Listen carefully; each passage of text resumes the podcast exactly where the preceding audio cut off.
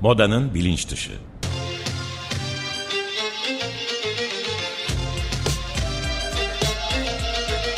Modanın kültürel tarihi ve güncel refleksleri.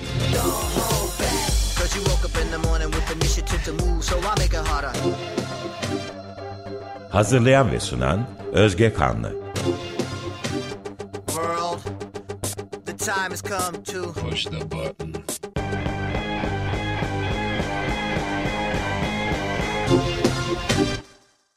Merhaba sevgili Açık Radyo dinleyicileri. Ben Özge Kanlı. Bu hafta Türkiye'nin kültürel tarih sahnesine yansıyan imajlar üzerine disiplinler arası bir sohbet edeceğiz. Bu haftaki konuğum bağımsız araştırmacı ve yazar sevgili Bihter Sabanoğlu. Bihter Hanım hoş geldiniz, sefalar getirdiniz programa öncelikle. Ee, ben bir gün e, sizin kendi web sitenizde paylaştığınız ve yazdığınız yazıların oturup okuduğum böyle tamamını yakınını neredeyse diyebileceğim kadar ve bu programa da geçitler kurabileceğimiz bazı kesişimler buldum yazıların içinde. Böyle hani aslında onları biraz didikledim diyebilirim. Ee, izninizle ben her sorudan önce ilkin o kesişimlerden biraz bahsetmek istiyorum ve sonra da size bu soruları yöneltiyor olacağım. Ee, bahsettiğim yazılardan ilki küratörlüğünü Nazan Ölçer'in üstlendiği Sakıp Sabancı Müzesi Müzesi'nde sergilenen Şehzade'nin Sıra Dışı Dünyası Abdülmecit Efendi sergisi üzerine en son İstanbul Araştırmaları Enstitüsü'nün yıllık yayınında ve öncesinde Art Unlimited isimli bir başka yayın organında daha yayınlanan Modern harem kadınının üretilişi e, başlıklı makalenizle başlayacağım.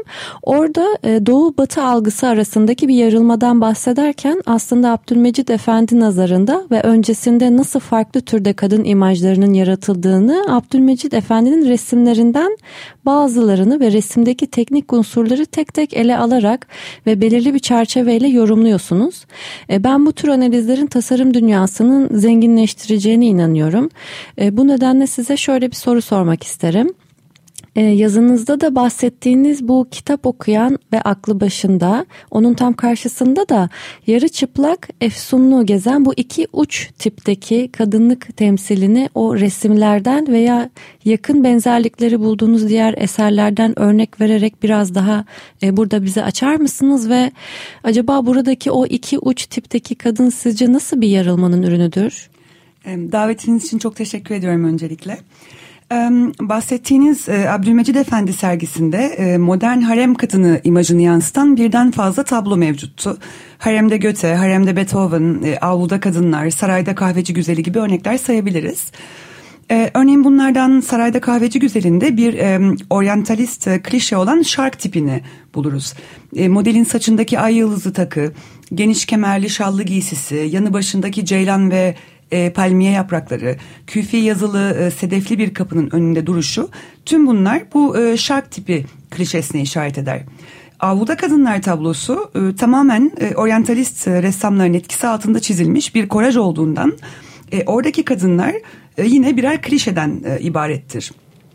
Haremde Beethoven'a bakarsak e, o biraz daha haremde göteye yaklaşır. E, orada e, Avrupalı ressamların sıklıkla kullandığı bir tema olan aile konseri örneğini görürüz.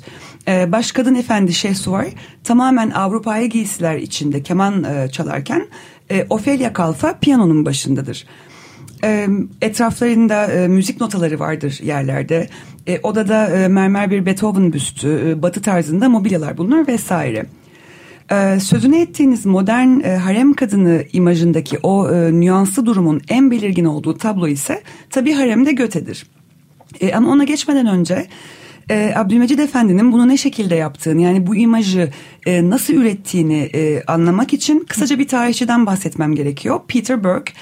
e, Peter Burke e, 14. Louis'nin üretilişi yani The um, Fabrication of Louis XIV eserinde 14. Louis'nin imajının yaratılış e, sürecini inceler ve onun e, fashioning yani e, bir nevi bir kimlik e, inşası sonucu nasıl e, bir taht veliahtından güneş tanrıya evrildiğini anlatır. E, bu inşanın e, tiyatro oyunları, baleler, heykeller, e, hatta halılar ve çeşmeler aracılığıyla ama en çok da resim sanatının yardımıyla yapıldığını gösterir. Yani kısaca resmin e, ne, ne kadar güçlü bir propaganda e, işlevi gördüğünü anlatır. E, ben de e, Abdülmecid Efendi için bu e, analojiyi e, düşünmüştüm. E, çünkü Abdülmecid Efendi de bu e, fashioning pratiğini e, modern Osmanlı harem kadınını yaratma doğrultusunda kullanır.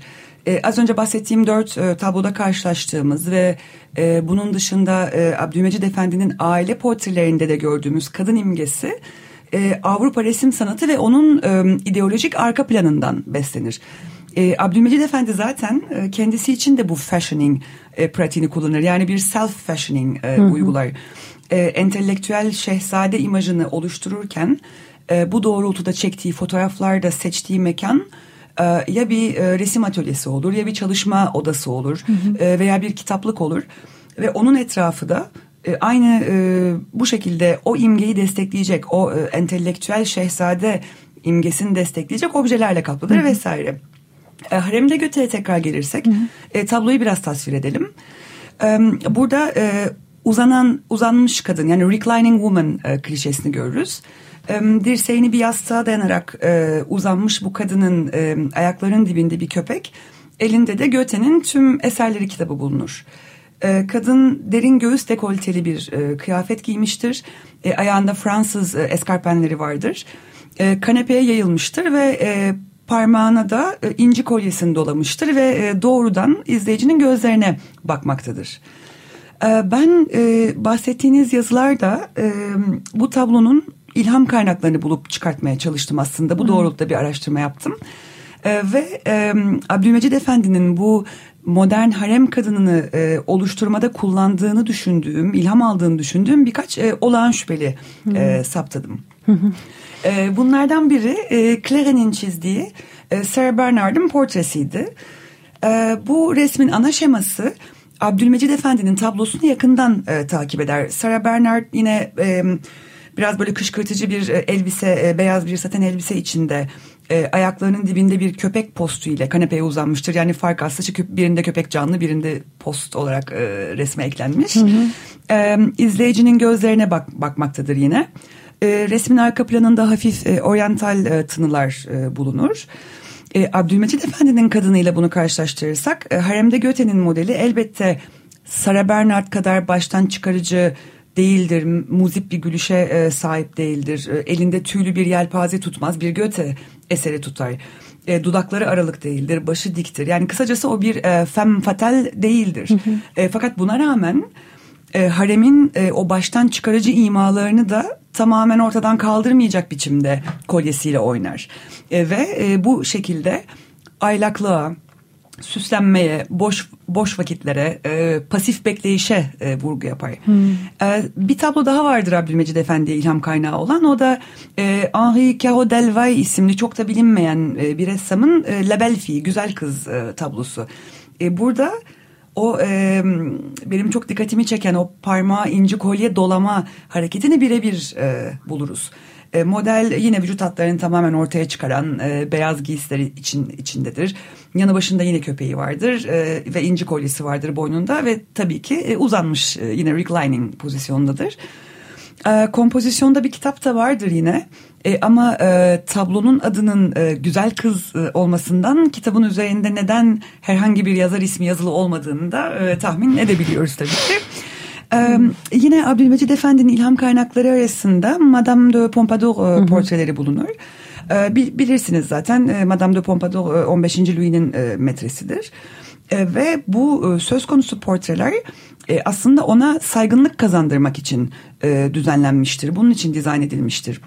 Bu sebeple de Markiz'i hep e, etrafında yer küreler, e, cilt cilt cilt kitaplar, müzik aletleriyle görürüz. Bu şekilde resmedilir. E, mesela e, başucundaki e, mobilyanın üzerinde yine onun e, dış dünyaya ilgisini gösteren mektuplar, kartpostallar vesaire bulunur. E, Abdülmecid Efendi'nin tüm bu eserlerden aldığı ilhamla inşa ettiği kadın e, elbette e, başlangıçta sözünü e, ettiğiniz o nüansları taşır. Hı hı. Yani ben e, Doğu Batı meselesini çok e, dikotomik şekillerde ifade etmeyi tercih e, etmiyorum. Daha hı hı. çok bunu e, çok katmanlı bir alışveriş etkileşim, dönüştürme e, olarak görebiliriz. E, elbette resimdeki oryantalist bakışın temelinde böyle bir ayrım yatar. Hı hı. E, ama gördüğümüz gibi Abdülmecid Efendi'nin o e, kendine has e, oryantalizmi e, bu ayrım arasında geçişler yaratmış. Yani modelin e, şık kıyafetler içinde tembellik etmesi, baştan çıkarıcı biçimde kolyesiyle oynaması, e, onun harem kadınının o sözde içgüdülerini, arzularını e, tamamen kopartıp atamadığını gösteriyor içinden. Ama e, bu kadın yarı çıplak göbek dansı yapmıyor ya da kahve içip nargile e, tüttürmüyor. Hı hı. E, hatta Almanca orijinalinden klasikler okuyor, modern dünyayı takip ediyor. Ve üstelik yine bir klişe olan e, La Liseuse yani kitap okuyan kız resimlerinde görüldüğü gibi yarı ya da tamamen çıplak da değil e, uzaklara da dalıp gitmemiş, e, elindeki kitabın büyüsüne de kapılmamış. Bize adeta bakın ben neler okuyorum diye e, gösteriyor. Hmm. Göte'nin eserini gösteriyor. Hatta bana kalırsa e, Abdülmecid Efendi'nin bu modern harem kadını imajını yaratmaktan ötürü e, hissettiği gururu da o model hmm. e, bize yansıtıyor. E, son olarak aklıma bir örnek geldi izin verirseniz biraz e, öneri mahiyetinde. Ee, çağdaş sanatçı Özlem Şimşek 2011 e, e, yılında Harem'de Göte Abdülmecid Efendi'den sonra isimli bir video art e, gerçekleştirmişti. Bu videoda Özlem Şimşek Harem'de Göte tablosunun modeliyle aynı kostümü giyiyordu ve aynı şekilde kanepeye yayılmış bir şekilde Göte okuyordu. Fakat üst üste binen görüntüler eşliğinde izleyicinin gözü önünde sanatçı yarı çıplak bir oryantalist klişeye dönüşüyordu. Hmm. E, bu da bu e, sözünü ettiğiniz ikilik arasındaki geçişleri yansıtan, e, bu imgelere değinen e, ve e, bir yandan da oryantalizmin o üstü örtülü e, çıplaklığına işaret eden oldukça e, çarpıcı bir işti. E, internette bulunup e, izlenebilir tavsiye mahiyetinde Hı-hı. söylemek istedim. Çok teşekkürler yorumlarınız için ve öneriniz için. Ben de programdan sonra hemen gidip bir göz atacağım. Şimdi e, süremiz kısıtlı olduğu için hemen doğrudan ikinci soruya geçmek istiyorum. Ee, belki de yine ben yine bu dikotomi üzerinden gitmiş olacağım ama mecburen artık öyle yazmışım soruları. belki benzer bir ikilik yine bu Manifold'da yayınlanan bir küçük çekmece gotiği. Nezihe Muhittin'in Self Orientalist Seri Katil serisi başlıklı yazınızda e, benim karşıma çıktı diyebilirim. Çünkü bunu ben böyle algıladığım için öyle yazdım. Ee, burada Osmanlı'da kadın hareketi önderlerinden Nezihe Muhittin'in yazı işleri müdürlüğünü yaptığı Türk Kadın Yolu dergisinde çıkan bir yazıda örneğin Charleston dansının kadınların kadınlığını kemireceği, alkol aldığında kadının e, Türk kimliğini koruyamayacağı, hüviyetini yitireceği, adeta ecnebileşeceği inancı, e, Türk kadınının yabancı bir adamla ilişkisine hoş yaklaşılmaması ve benzeri e, şekilde böyle bir milliyetçi, ayrıştırıcı ve aslında e, bugüne değin bu ekoları süren e, ilkel belki imatür de diyebileceğimiz psikolojik bir yapılanma tarzı karşımıza çıkıyor. E, bu tür yapılanmalarda e, iyi ve kötü, e, siyah ve beyaz gibi net nitelikler mevcutken bu geçişkenliğe, griliğe, renklere ve de ne iyi ne de kötülere hani e, müsaade etmeyen bir böyle bir bölerek düşünme tarzı karşımıza çıkıyor. E, bu gibi eski metinleri okuyabilen e, birçok farklı dilde eğitim alıyorsunuz ve biliyorsunuz buna hakimsiniz e, linguistik bakımdan hani bu şekilde kendini e, e, farklı denizlere açabilen bağımsız bir yazar olarak e, acaba bu öteki yabancı ve şarkta olmayanın aktarılmasında bu yaygın tutum hakkında sizin düşünceleriniz neler neler ve farklı eserlerde neler karşınıza çıktı bu ötekinin görülmesi özelinde?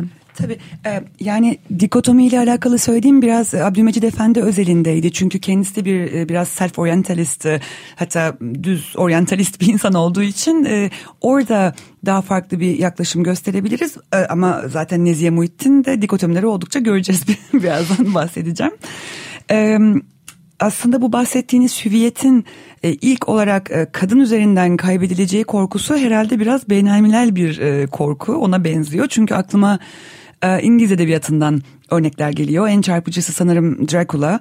E, Balkanlardan gelen ve Londra'ya sızan o ecnebi bilinmeyen, önüne geçilemeyen tehlike aslında kadınların bedeni üzerinden ilerliyor. E, vampir e, gerçek anlamda kadınların vücu- vücuduna penetre ederek, pardon, hı hı. onları ele geçirerek ülkeye sızıyor. Hı hı. E, kana yapılan vurgu da e, bir yerde ırkla bağlantılı. Dracula e, vampire dönüştürdüğü kişilerin kanını bozarken e, onların ulusal kimliğini de aslında ortadan kaldırıyor.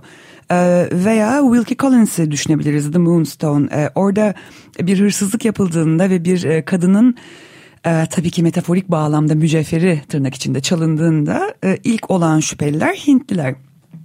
Tüm bunlar aslında bana e, Victoria dönemi edebiyatında gördüğümüz e, emperyal gotik e, kavramını da düşündürüyor. Yani mistik, dejenere, irrasyonel, barbar ama aynı zamanda baştan çıkarıcı olan ötekinin doğulu ya da oriental kabul edilen her neyse onun barış ve huzur dolu yerel yuvalara e, sızarken e, tüm bunların gotik bir ortamda ortamda gerçekleşmesi. Yani bunlar nedir? Kasvetli, tekinsiz bir atmosfer, vahşi, zorba adamlar, ölçüsüz şiddet gösterileri, ağza alınmayacak türden suçlar, hatta kimi zaman doğaüstü olaylar. Mesela Jane Eyre ve Jamaikalı tavan arasındaki deli kadın, işte The Mad Woman in the Attic, hı hı. Bertha Mason örneğinde gördüğümüz gibi. Um, bu dışarıdan sızan tehlike imgesi Nezihe Muhittin'in e, bahsettiğiniz e, İstanbul'da bir Landru e, romanında çok güçlü. Hı hı. E, bildiğiniz üzere zaten Nezihe Muhittin e, Osmanlı Kadın Hareketi'nin e, önemli figürlerinden ve e, ulusal kimliğe de son derece önem veren bir yazar ve aktivist. E, romanına geçersek orada e, ünlü bir e, Fransız seri katilin adına gönderme yapıyor e, Nezihe Muhittin. E, onun e, Landru'nun İstanbul'a sızan versiyonunu hayal ediyor. E, onun katili Nils e, yakışıklı ve baştan çıkarıcı bir Danimarkalı. E, yaratılan gotik ortam ise şimdi bize biraz komik geliyor ama e, o dönemin e, ıssız bir bölgesi olan küçük çekmece. e, Nils e, Prenses Nazlı'yı baştan çıkararak kendine aşık ediyor. Ve e, hikaye gotik romanlarda alışık olduğumuz üzere aşırı dozda şiddetle bitiyor. Yani Nils'in bir e, nekrofil olduğu ortaya çıkıyor. Nazlı onu e, küçük çekmecedeki şatosunda ölü bir kadınla beraber olurken görüyor vesaire. E, romanda e, sürekli bir şark bahsi zaten mevcut. E, Nils e, şarkılara zaafı bulunduğunu, e, büyük ve siyah şark gözlerinden, şark hikayelerinden hoşlandığını söylüyor. E, topluma penetre, penetre etmeye çalışan hazır bir avcı gibi aslında. Ee, ve e, soruda bahsettiğiniz dans e, konusu da Muhittin tarafından ahlakçı bir çerçevede yansıtılıyor. E, Nazlı Nins'le ateşli bir tango yapıyor. Ortamda uyuşturucu ve alkol e, kol geziyor. Ya bunların hepsi birer e, identity killer yani hepsi birer e, kimlik öldürücü hmm. görevi görüyor aslında.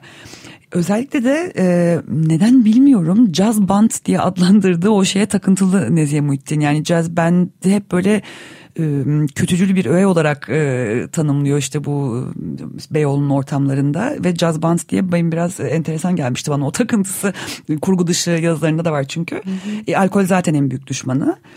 E, bu dejenere ortamların e, menbaı Beyoğlu da e, Nezihe Muhittin tarafından e, zaten gerçek ve tarihi ad, diye adlandırdığı e, orası neresiyse onun antagonisti. Hmm. E, onu öyle betimliyor.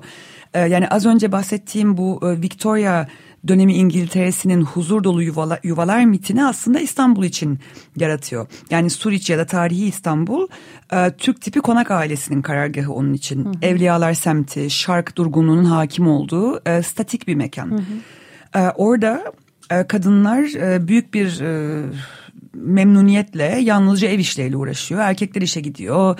E, işte 3-4 kuşak bir arada yaşıyor. Patriarkal düzen içinde barışçıl e, işte mutlu mesut.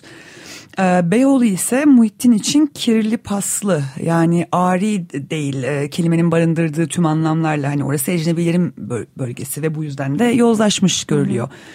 Yani Nezihe Muhittin'in şehir üzerinden dillendirdiği bu dikotomik tam da dikotomiye düşen görüşler elbette romana da hakim. Ve orada da bir Türk ecnebi ikiliği var. Yani e, mesela Prenses Nazlı e, Nils'le gittiği e, ecnebi kaynayan o Beyoğlu barında e, alkol, uyuşturucu ve dans e, dolu bir e, ortam sonrası hislerini e, hüviyetimi kaybetmiştim cümlesiyle e, anlatıyor. Hmm. E, Muhittin için zaten Türk kadını yani ideal örnek Türk kadını e, ülkesine iktisadi katkı yapan azimli çalışkan kadın e, alkolle, dansla, işte caz bantla neyse e, batılılaşıp e, hüviyetini kaybetmemiş. Hmm. E, yani en basit haliyle aslında e, Anadolu'da tar, tarla çapalayan emekçi. E, bu roman da ötekine karşı bir uyarı mahiyetinde. Ya İstanbul'da bir Landru Türk kadınını yabancı sevgililerle e, ilişkilerin tehlikesine karşı hmm. e, uyarıyor. Ee, benim de e, hislerimi sormuştunuz bu konuda. Ben e, bu konular tartışılırken biraz daha e, Occidentalism ve Self-Orientalism üzerinde durulmasını isterdim. Yani Occidentalism örneğin Lale Müldür'de de fazlaca vardır. Bizansiye eserinde bunu görürüz. Orada bir doğulu klişesi olduğu gibi bir batılık klişesi de bulunur. E, bunun içinde giyim kuşam da vardır, karakter özellikleri de vardır. E, tamamen ruhani öğeler de vardır.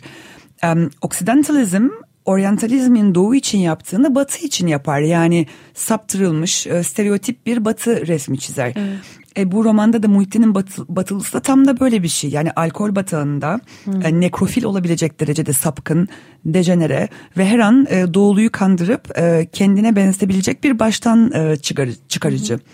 E, Self-orientalizmde yani içselleştirilmiş e, şarkiyatçılık da bu bağlamda e, çok ilginç olabilir. Hı hı. E, çünkü e, Muhittin Prenses Nazlı'yı bir mantıksızlık abidesi olarak betimler. Yani Batı'nın rasyonelliğinden zerre payını almamıştır. E, romanda bir yandan da e, aşkın pençesine düşmüş ve e, sadist dürtüleri olan bir doğuludur Nazlı. Hı hı. E, onun bu şekilde tam bir şarkılı olarak betimlenmesi bu ikiliyi e, yeniden yaratır. E, yani bana kalırsa bu kavramların, kavramların üzerinde daha fazla e, durulabilir. Evet. Çok teşekkür ediyoruz. Rica ederim. Detaylı e, yorumlarınız için. Son olarak yine Manifold'da yayınlanan İstanbul e, anksiyetelerinin çizgi kahramanı Bayan İstanbullu e, yazınızda 10 ay boyunca her pazar Yeni İstanbul gazetesinde Türkiye'nin ilk kadın karikatürist, karikatür, karikatüristi olarak e, tanıtabileceğimiz e, Selma Emiroğlu'nun kaleminden çıkan bir karikatür serisinin anatomisini inceliyorsunuz. E, serideki baş kahraman bir kadındır ve İstanbul'da yaşarken belli başlı kaygılara kapılmıştır yapılmaktadır. Bu diğer iki soruda da değindiğimiz ötekine dair iki uçlu bölünmüş düşünceye yani işte bu şarklı batılı olma kaygılarına dair bize sunduğu belli bir takım giyim kuşam e, stiller özelinde e, bazı şeyleri var e, unsurlar var bu e, şeyde e, Bayan İstanbul'un bize sunduğu.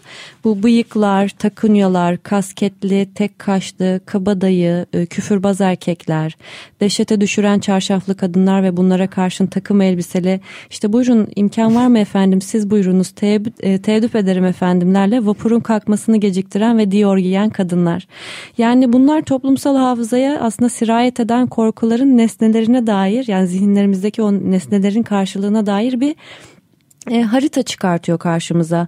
Yine öteki özelinde ve ötekinin sizin karşınıza çıkan diğer metinlerde nasıl göründüğüyle ilgili olarak e, bu metin üzerinden ilerlersek e, neler söylemek istersiniz? Bayan İstanbullu benim e, aslında bambaşka bir konuda araştırma yaparken Beyazıt Devlet e, Kütüphanesi'nde keşfettiğim bir karikatür e, serisi. Yeni İstanbul Gazetesi'nde 1957 Haziran'da başlamış ve 10 ay boyunca sürmüş. E, söylediğiniz gibi gerçekten de e, Selma Emiroğlu'nun e, şehir nevrozlarının ve 50'li yıllarda İstanbul'da yaşayan bir kadının e, anksiyetelerinin envanterini çıkardığını söyleyebiliriz. E, bunların büyük bir kısmı da giyim kuşamla daha doğrusu kamusal alanda uygun kıyafeti giymekle hmm. e, ve yine kamusal alanda tacizle alakalı. Evet. E, bahsettiğimiz öteki kavramı da e, karikatürlerde İstanbul'un o dönem aldığı göç üzerinden şekillendiriliyor. E, karikatürün yayımlandığı Yeni İstanbul Gazetesi'nde bu meseleden oldukça bahsediliyor o tarihlerde. Bundan şikayet ediliyor. E, işte İstanbul'un huyu değişti terbiye tarihe karıştı deniliyor. E, nezaketin, kibarlığın kalmadığı söyleniyor. E, tam olarak da e, İstanbul'a yakışmayan e, insanların şehri doldurduğundan dem vuruluyor. Yine burada bir hüviyet kaybetme korkusu görüyoruz. Buna ek olarak kirletilme korkusundan da söz edebiliriz. İstanbul'un aldığı o devasa boyutlardaki göçler e, kentlilerde işgal edilme, kirletilme, suç oranının artması gibi karmaşık korkulara sebep oluyor. E, ilk ilk göç dalgasında gelenlerin daha çok erkek olması da e, kente bir cinsiyet farklılığı yaratıyor. E, Emiroğlu'nun karakterlerinde bunu görüyoruz. E, şehrin nüfusu arttıkça e, kendisini gerçek İstanbullu olarak niteleyenlerle ötekiler arasında bir dikotomi, bir yarılma ortaya çıkıyor. Ve iki tarafta giderek karikatürize hale geliyor. E, gerçek İstanbullu nezaketten ve temizlikten kırılırken e, öteki olan e, pasaklı, kıllı, uyanık, işte cingöz, kaba vesaire. E, kıyafet meselesine dönersek e, karikatürlerde e, Bayan İstanbul'un hayatında e, giyim kuşam üzerinden çok fazla kaygıya tanık oluyoruz. Mesela e, artık plajda rahat rahat güneşlenemediğini görüyoruz. E, frikik vermemeye çalışırken bir tarafı tamamen e, kavrulu, kavruluyor bir karikatürde. Çünkü etrafı onu dikizlemeye çalışan erkeklerle dolu. E, başka bir plaj karikatüründe yine e, kabinde mayosunu değiştirmeye uğraşırken e, kabinin etrafını kuşatmış erkekler e, delikler açmış ve onu gözetlemeye çalışıyorlar. E, günlük yaşamında da karikatürlerde devamlı tacize uğruyor e, Bayan İstanbullu. E, ve onu rahatsız eden erkeklerin fizikleri, e, giysileri çoğu zaman doğulu, e, köylü addedilen e, özelliklere sahip. E, bunlar nedir? İşte e, takunyalı, kasvetli, kıllı, kabadayı görünümlü erkekler. E, yesinler seni yavrum, e, gerdanın üstünde kılsam sabah namazı şeklinde laflarla e, bir yandan onu taciz eden tiplemeler. E, hep e, kasketli, bıyıklı, tek kaşlı adamlar. Hı hı. E, hatta sonunda Bayan İstanbul'u çareyi e, üzerine e, dikenli telden bir kafes e, yaptırmakta buluyor. E, başka bir karikatürde yine görüyoruz. E, onun rüyalarını e, süsleyen erkek takım elbiseli. E, batılı görünümlü kesinlikle son derece nazik. E, yanından geçerken pardon efendim rüzgarım sizi rahatsız mı etti diye soruyor. E, yine başka bir karikatürde öteki konumunu e, belirleyen öğenin giyim kuşam olduğunu tekrar görüyoruz. E, karikatürün ismi zaten bizde bizde diyor.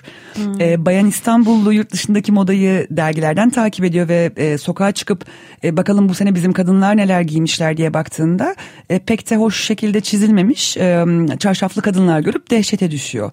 Yani az önce Landru'da e, sözü sözünü ettiğimiz batılı öteki Bayan İstanbullu karikatürlerinde içeriden bir ötekiye dönüşüyor. Hmm. Ger- gerek e, gerçek İstanbul'un e, gerek fiziksel gerek ruhsal saflığına tehdit oluşturan ve doğudan batıya sızan tehlike bu sefer içeriden gelen e, bir tehlike.